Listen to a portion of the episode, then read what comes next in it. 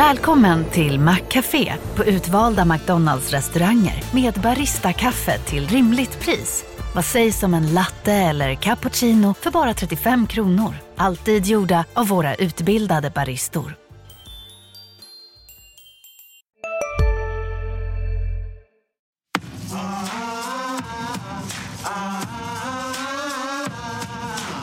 Det är fantastiskt liksom att vara hemma igen och, och det känns lite speciellt att spela här.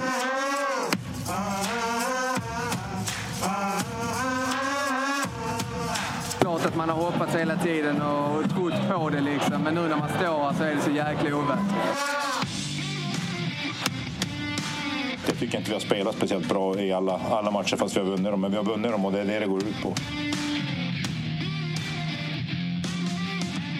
Välkommen till det sjunde avsnittet av Sydsvenskans Redhawks podd.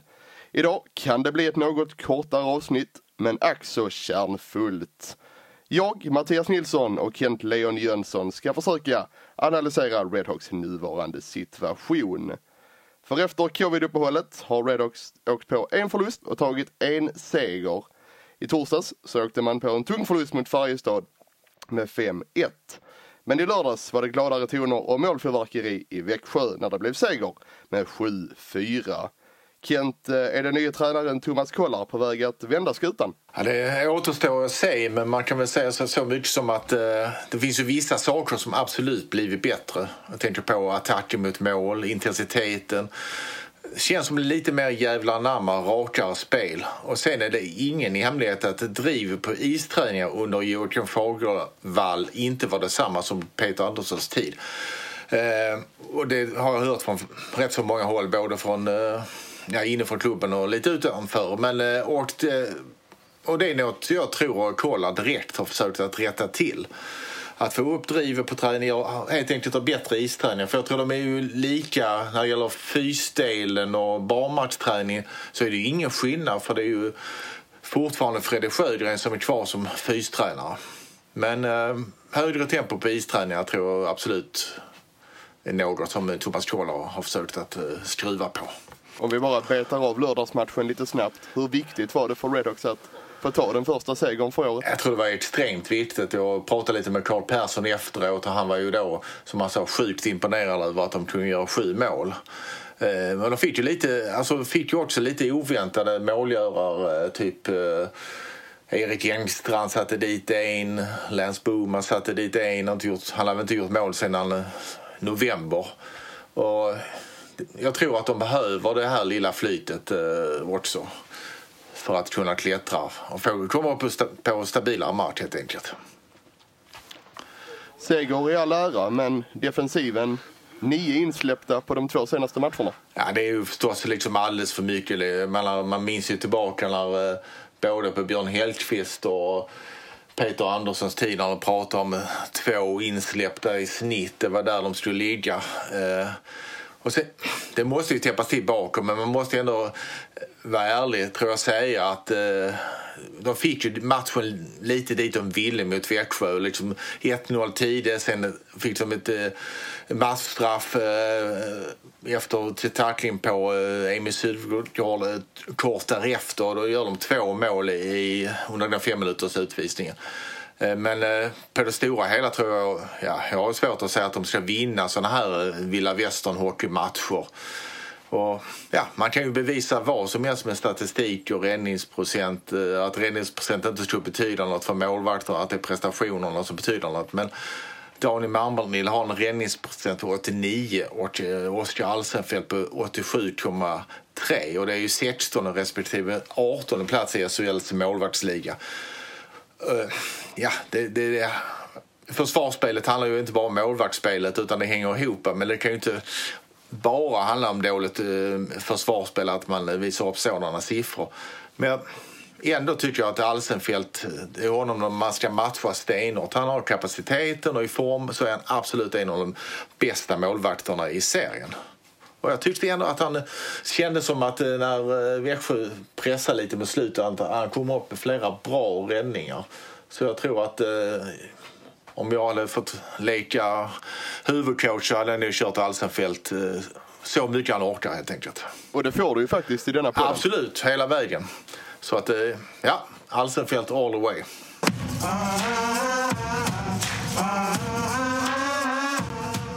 Och i defensiven så har ju forwarden Kalle Östman klivit ner som back. Och han har ju gjort det riktigt bra.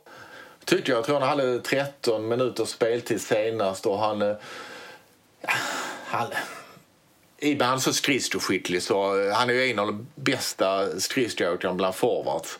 Och eh, ja, då kompenserar han ju rätt mycket med sin rörlighet och han är ju, får mycket puck i sin backroll som gammal center så, är, så tror jag han trivs med det också. Jag tror han trivs med att spela. Det, det är nästan så att han har sett bättre ut som back än som forward även om han har fått hoppa runt väldigt mycket som forward och knappast känt någon trygghet. Han har ju varit på läktaren i ganska många matcher också. Så, att, eh, så det var rätt smart. Det går att göra om eh, i alla fall skridskostarka centra till, till backar. Det har man ju sett förut.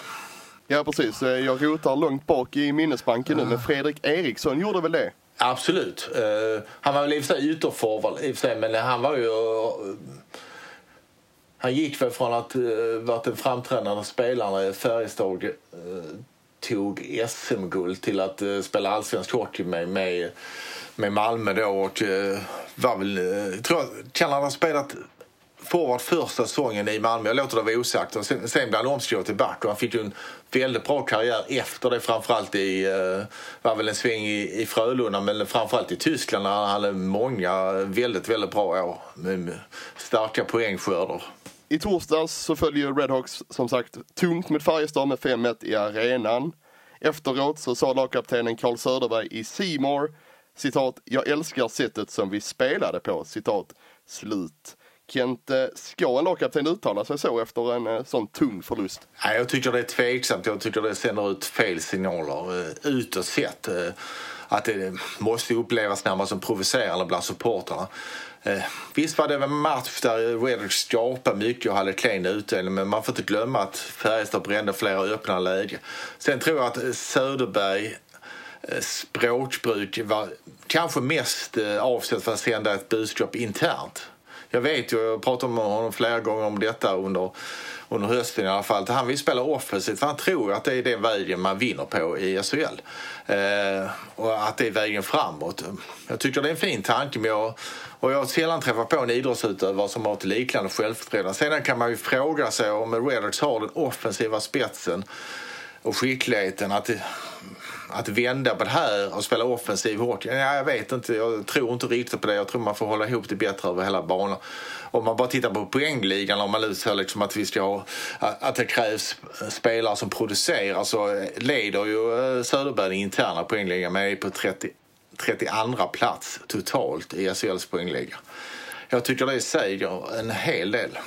Ja precis, jag såg eh, någon fråga eh, till podden på sociala medier, ska Redhawks spela lite, lite tråkigare och köra mer på kontringar? Jag tycker absolut att man måste göra. Man måste täta till i egen zon. Även om, de själva tycker att de har ett bra försvarsspel så... Det är ju trots allt målen som görs framåt och de som släpps in bakåt som räknas. Det är ju klassiskt. Alltså, mellan, står det 1-5 på tavlan så tycker jag då kan man inte prata om att man har ett bra försvarsspel. Eh, utan det, det, är ju trots allt... Jag tror inte man har råd som bottenlag att eh, spela någon tuta köra hockey. Visst, i, i, vissa matcher kan det säkert funka. Visst, och du behöver göra oftast mer än två, tre mål för att vinna. Eh, Ja, nej, jag tror att de måste fortfarande tänka på att det ska vara god defensiv över hela banan så att säga. Sätta spelet bakifrån, helt enkelt. Ja, som man nästan, nästan alla eh, vinnande lag eh, byggs på det sättet. Bra målvaktsspel, bra försvarsspel och giftighet framåt.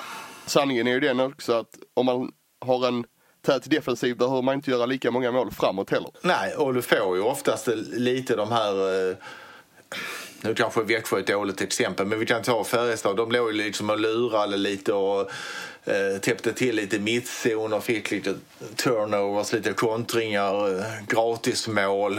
Eh, och det är den typen av eh, den kvoten av mål som eh, Malmö måste få absolut mer av. Det, visst, de får ibland väldigt tryck på motståndarkassen men det är ju oftast många skott som kommer långt utifrån. Och ibland blir det farligt och ibland inte. Men eh, fortfarande gäller det att skapa de här eh, klara målchanser. Det tror jag man gör lättast genom att eh, täppa till i mitt, mittzonen och gå lite på eh, motståndarnas misstag.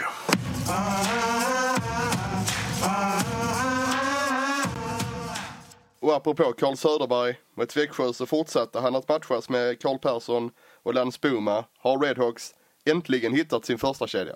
Ja, de har ju prövat i stort sett alla spelare bredvid Söderberg och, och även Persson förut och Boma väldigt mycket i omgångar. Eh, och jag tycker att Persson är väl en av de som man känner av att eh, tagit kliv under den här säsongen. Man vet att det finns fartskott och storlek.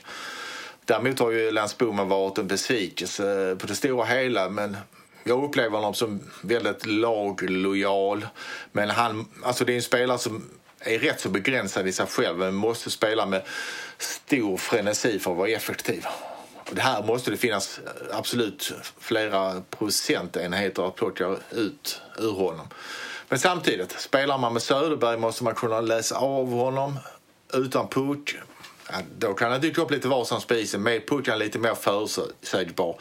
Men en av hans Söderbergs styrkor är att han ofta tar pucken mot kassen.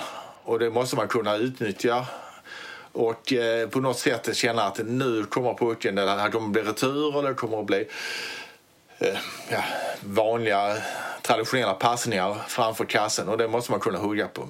Men när det gäller just det här med kedjeformationerna så tycker jag ändå att Kola har fått till en, eh, vad ska man säga, en kvalitetsmässigt eh, bättre rangordning med placering i kedjorna. Att uh, man ser liksom en tydligare, vad man ska säga, en pyramid med spets och lite bredare bas. Uh, det har han gjort bra.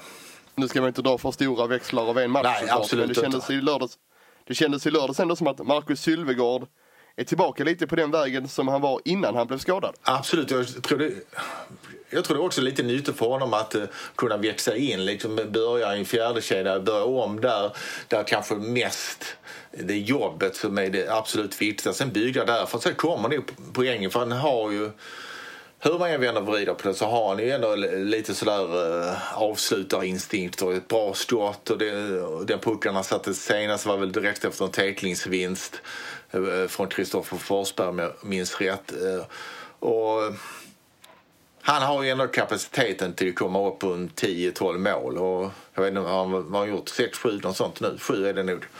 Ehm, och eh, nej, jag tror det är bra för honom att känna att han får att det hårda jobbet behöver han premiera först och sen kan han bygga vidare därifrån och sen poängen kommer kanske därefter. För han är ju trots allt rätt avig spelare, kan vara lite svårläst men kan göra det oväntade. Tyngre för Redhawks i lördags var ju att Emil Sylvegård blev skadad efter en knätackling rätt tidigt in i matchen. Kent, har du någon prognos för hur det ser ut för Emil när han kan vara tillbaka? Nej, jag pratade lite med, med Patrik Suvegård igår och då trodde han på tre, fyra veckor. Han jämförde skalan med den som Marcus hade tidigare. Och då var det så att Marcus eh, skadade sig på träning när han spelare fick ett felskär och eh, gled in. När Marcus Sjöwall stillastående och väntade på, eh, jag stod och väntade på en övning som skulle sätta fart. Så då kom en spelare bara pangade in i honom bakifrån. Ett misstag, liksom en olyckshändelse naturligtvis. Så det, ja, Patrik Suvegård trodde väl på tre, fyra, två, tre, fyra veckor men sa ju samtidigt att Emil har ett bra läkkött så att säga. Och han försökte verkligen liksom komma tillbaka med benet vek sig då i, uppe i Växjö. Vad betyder det att Emil Sylvegård inte kommer vara med de, de närmsta matcherna då i alla fall? Nej, men det är, jag tror också lite som att spela med Söderberg, att det kräver viss sorts spelare som kan läsa av. Så jag tror det är ungefär likadant att spela med tvillingarna Westerholm. De är också eh, de är roliga att se ibland och rätt så påhittiga men de spelar en liten egen typ av hockey. Vi är specialister på det vi gör, precis som du. Därför försäkrar vi på Swedea bara småföretag, som ditt. För oss är små företag alltid större än stora och vår företagsförsäkring anpassar sig helt efter firmans förutsättningar. Gå in på swedea.se företag och jämför själv. Hej, Synoptik här. Hos oss får du hjälp med att ta hand om din ögonhälsa. Med vår synundersökning kan vi upptäcka både synförändringar och tecken på vanliga ögonsjukdomar. Boka tid på synoptik.se.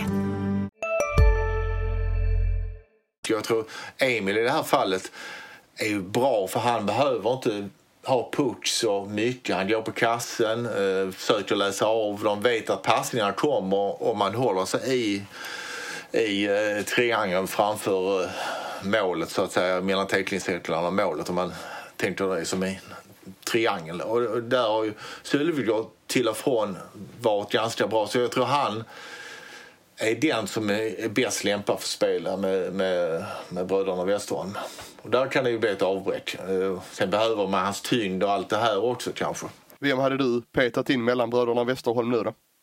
Ja, jag tycker det är rätt så svårt så här på rak arm vem man hade testat. Jag har nu prövat någon med lite eh, tyngd och kraft. Nu fick ju William von Barnekow chansen. Möjligtvis man han kan kanske få chansen igen. Men eh, jag hade nog gått på, eh, när Magnus Pääjärvi kommer tillbaka efter sin skada, så tror jag att han kan vara ett, han har både kroppen och han har eh, i form så har han ju definitivt skridskoåkningen också. Så att eh, han ska väl, är väl eventuellt tillbaka kanske, eh, inte nu till helgen tror jag, men eh, vad blir det, den 17 mot Färjestad och till den stilen. Då har jag nog gått på honom.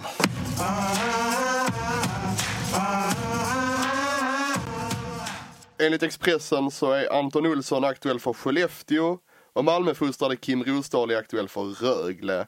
Två spelare som Redhawks nog eh, väldigt gärna hade sett i truppen nästa säsong.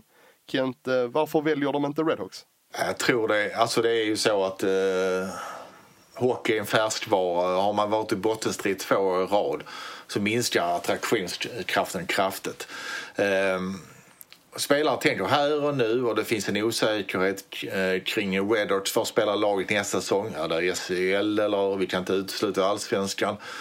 Eh, och det finns frågetecken kring det som populärt kallas för den dagliga verksamheten, alltså hur träningen bedrivs. Och inte, inte minst vem som tränar laget nästa säsong. Anton Olsson var 19 år och draftad av Nashville. Det är klart att han vill liksom maximera sin tid i Sverige innan han sticker över Atlanten. Och, eh, det är så att Nashville har sin eh, säkert eh, åsikter, agenterna har åsikter och då uppfattar man Skellefteå som ett säkrare kort för en, eh, en talang till att ta liksom det här sista steget till att bli NHL-mässig. Klart det är bittert för Redhawks men så ser verkligheten ut tror jag. Och när det gäller Kim Rosdahl så har jag hört på omväg att han nobbade Redhawks för ett par veckor sedan. Jag vet inte om det stämmer. Eh, men jag tror att det att det, det är en spelare som klubben i, när jag pratade med folk i klubben i höstas var de tämligen säkra på att han ska återvända. Sen får man inte glömma att eh, Rostad själv har gjort, jag tycker han har gjort en fantastisk resa. Han var fjärdelina många år i Malmö och har återförenats med forna tränare Hellkvist Hellqvist i, i, eh, i Modo då. Eh, gjorde Rosdahl en kort sväng där och sen eh, med, med Filander i Oskarshamn. Eh, Det visar ju också på Filanders och Hellqvists storhet att de har sett andra kvaliteter i Rosa. Men framförallt är det ju Rosa själv som gjort den här resan. All heder åt honom. Han har ju ändå trots allt gått från att vara en, eh, vad ska man säga, en brunkare i eh, fjärdekedjan till att vara en, eh, ska inte säga kanske ledande SHL-spelare men ändå, ändå en av de bästa i ett överraskningslag som Oskarshamn. Jag tycker ändå att det på något sätt att det, det visar, om det nu stämmer med Rögle som det säkert gör, så, så är det fler som identifierat hans storhet som spelare. Och det, all heder som sagt åt honom. Tror du att det kan bli några nyförvärv till Redhawks denna säsongen då? Med tanke på att KHL som jag har förstått det nu ska gå rakt på slutspel efter OS.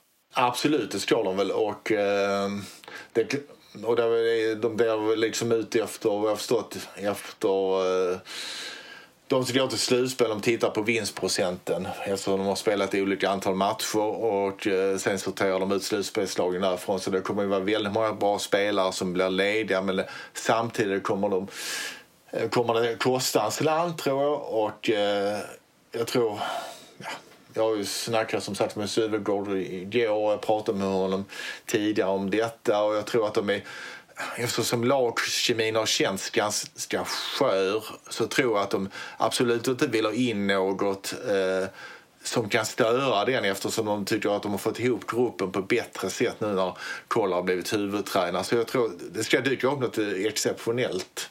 Eh, alltså i, vi, ska ju, vi har pratat om det här tidigare men i, i eh, under sommaren och tidigt på hösten så hade de en väldigt klar plan att de ska in en, eh, en högerskytt som kunde hänga dit eh, kassarna så att säga. Och eh, då fick ju inte, har jag aldrig fått in den här liksom eh, prototypen för det som de, som de tänkte då. Det var ju planen som de absolut skulle följa sa de då. Men sen dök, ju, dök det upp med eh, Deschenaux blev ledig så tog de honom istället och, och sen kom ju eh, Magnus Perjärvi och Händemark vände hemåt och sen la de eh, de planerna åt sidan. Men skulle det dyka upp den typiska spelaren, eh, målgöraren, högerskytten, då kanske de slår till. Sen vet man ju inte heller om det behövs en back och då kommer ju säkert att att på något sätt eh, måste man kanske ha en namngiven tredje målvakt också.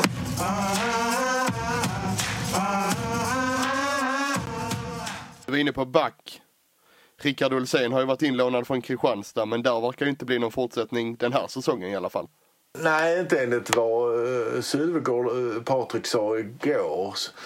Uh, men uh, och att Kristianstad är ju trots allt rätt så högt upp i, i hockeyallsvenskan och kommer ju spela någon form av eh, slutspelshockey och de vill säkert ha honom kvar. Och, men det, det verkar som att Olsén är aktuell för eh, nästa säsong. Det är väl en late bloomer, han är 26 år men har ju rätt många kvaliteter och fin skridskoåkning och sånt. Sen behöver man kanske städa bort en del grejer i egen zon men det känns ändå som en spelare som inte jag förmodar inte är överdrivet dyr och eh, det är ju så också, vi kan bara titta på den truppen om de nu tappar de eh, om vi nu förutsätter att det är SHL som gäller nästa säsong så tappar de förmodligen då Anton Olsson som säkert inte är dyr och eh, ja, då tänker de säkert att eh, vi behöver in en spelare som kostar som en eh, fjärde, femte, sjätte back för att ha råd med dyra spelare. Eh, så ja, vi får ju se också vad som händer lite vad, vad, hur de gör med Joakim Ryan om han vill stanna och om, om de tycker att han är för, alltså tillräckligt bra i förhållande till en eh, förmodad väldigt hög lön. Så att det, det är ju väldigt mycket pusslande men de kommer ju, så länge de inte har klarat kontraktet så kommer de ju tappa tid i, eh, när liksom, för silly season börjar ju redan nu. Redan nu börjar ju eh, klubbarna förlänga och titta på nästa säsong och sånt. Eller ja, sen någon månad tillbaka säkert. Så att, eh, och där kommer ju Redhawks eh, tappa tid om de inte eh, liksom gör, får till en jättesport väldigt snabbt. Så hur stor nackdel är det egentligen att ligga långt ner i tabellen, inte bara rent sportsligt utan inför de kommande säsongerna? Jag tror det är jättestor nackdel. Jag tror du tappar hur, hur mycket som helst. Att inte man kan säga att vi kommer att spela i SHL nästa säsong, för det kan man ju inte. Skulle man hamna i kval så är ju, ja, det är ju ner på 50 procent direkt att man åker ur. Eh, och finns det några fördelar att åka ur? Nej, inte många. Ja, det är klart att du kan bygga om en, upp en helt ny trupp för alla SHL-kontrakt upphör samma ögonblick som du blir ett allsvenskt eh, lag. Och det gör ju att du kan bygga en helt ny trupp men att och sen visst, gör du det väldigt bra så är, är du ju garanterad att du möter ett allsvenskt lag som HV71 eh, toppar ju allsvenskan nu och eh, kommer ju för, förmodligen hamna i den här eh, allsvenska fin finalen mot ett annat lag från samma serie så att säga.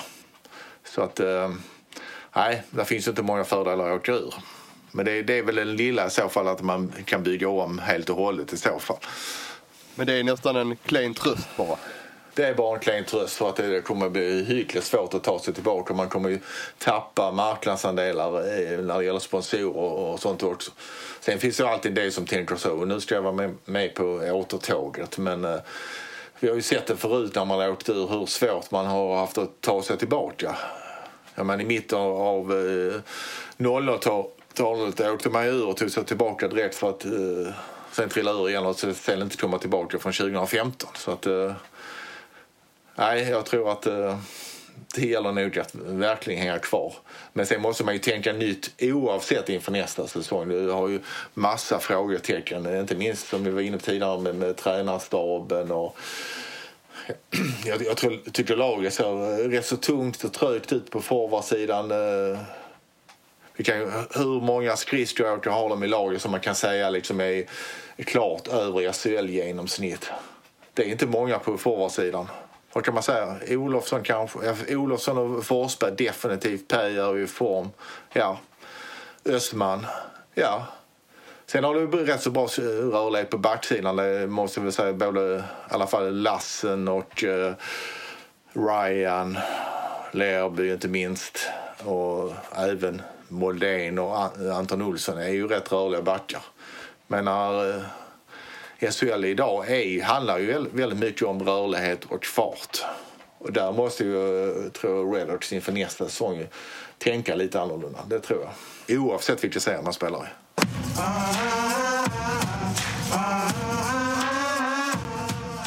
På onsdag försvinner publikrestriktionerna och arenan kan åter fyllas. Blir det halabaloo i arenan på fredag, Kent? Nej, det har jag svårt att säga. Men jag tror att det kommer locka säkert en del som är väldigt sugna på att komma ut igen. Men ja, får de en publiksiffra på eh, 6 000 eh, någonting med i alla fall 5 234 inne i hallen. Eh, för de redovisar ju sålda biljetter så att säga. Så det, är inte alltid, det stämmer ju inte alltid, eller långt ifrån alltid, att de som passerar de biljettsnurrorna så att säga är, är lika många som de som kommer in. I, ja, ni förstår vad jag menar. Att eh, det hänger inte ihop med eh, sålda biljetter och de som verkligen är inne i hallen så att säga. Så att, men jag tror att eh, många har ju säkert längtat men eh, samtidigt så är vad som också talar emot är ju resultaten naturligtvis. Eh, det har ju inte varit överdrivet kul att gå och kolla på Red eller kolla på, på tv på sistone. För jag menar, hur det än ser ut på isen så vill ju... Jag tror inte minst Malmö-supportrar vill se ett vinnande lag. Och det har de inte fått se så ofta. Och ibland kanske ett lag som har varit bra i 12 minuter en period och sen eh, varit liksom allsvensk klass i, i typ 8 minuter. Sen en hel period igen med låg klass och sen blixtrar man till igen. Det var väldigt ojämnt i matcherna, tycker jag i alla fall.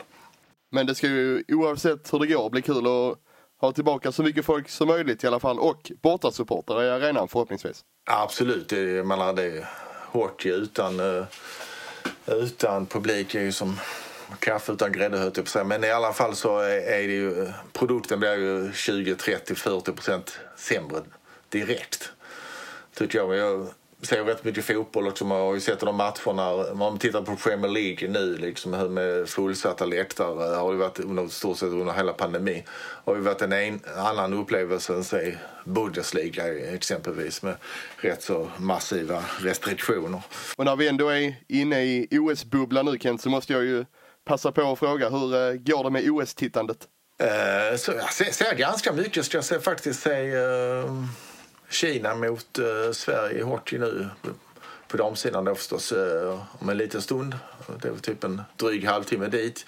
Eh, jag såg ja, rätt mycket på förmiddagarna och sånt eh, men jag är inte jag tycker det alltså skidor och sånt är inget som intresserar mig i vanliga fall. Det är, ehm, det är ju bara liksom OS och sånt jag tycker det är roligt. Men uh, även med att uppvuxen med att säga typ alla, alla Ingmar Stenmarks världscupstävlingar så är det så. Och själv då, tittar du? Ja men det är, det är på i bakgrunden. Jag gillar ju, äh, gillar ju äh, skidor. Äh, skidskytte är ju spännande. Det kan ju gå från ja, upp och ner och höger och vänster liksom. Absolut. Med det så avrundar vi det sjunde avsnittet av Sydsvenskans Redhawks podd med mig Mattias Nilsson och Kent Leon Jönsson. Tills vi hörs igen, ha det gott. Hej. Ha det bra. Hej. Ansvarig utgivare för Redhawks-podden är Jonas Kanje. Big Mac har miljarder fans över hela världen. Under mer än 50 år har den skapat popkulturell historia. En legend med 100% nötkött och den mytomspunna såsen. Nu finns Big Mac för bara 39 kronor på McDonalds. Hej Sverige! Apoteket finns här för dig och alla du tycker om. Nu hittar du extra bra pris på massor av produkter hos oss. Allt för att du ska må bra. Välkommen till oss på Apoteket.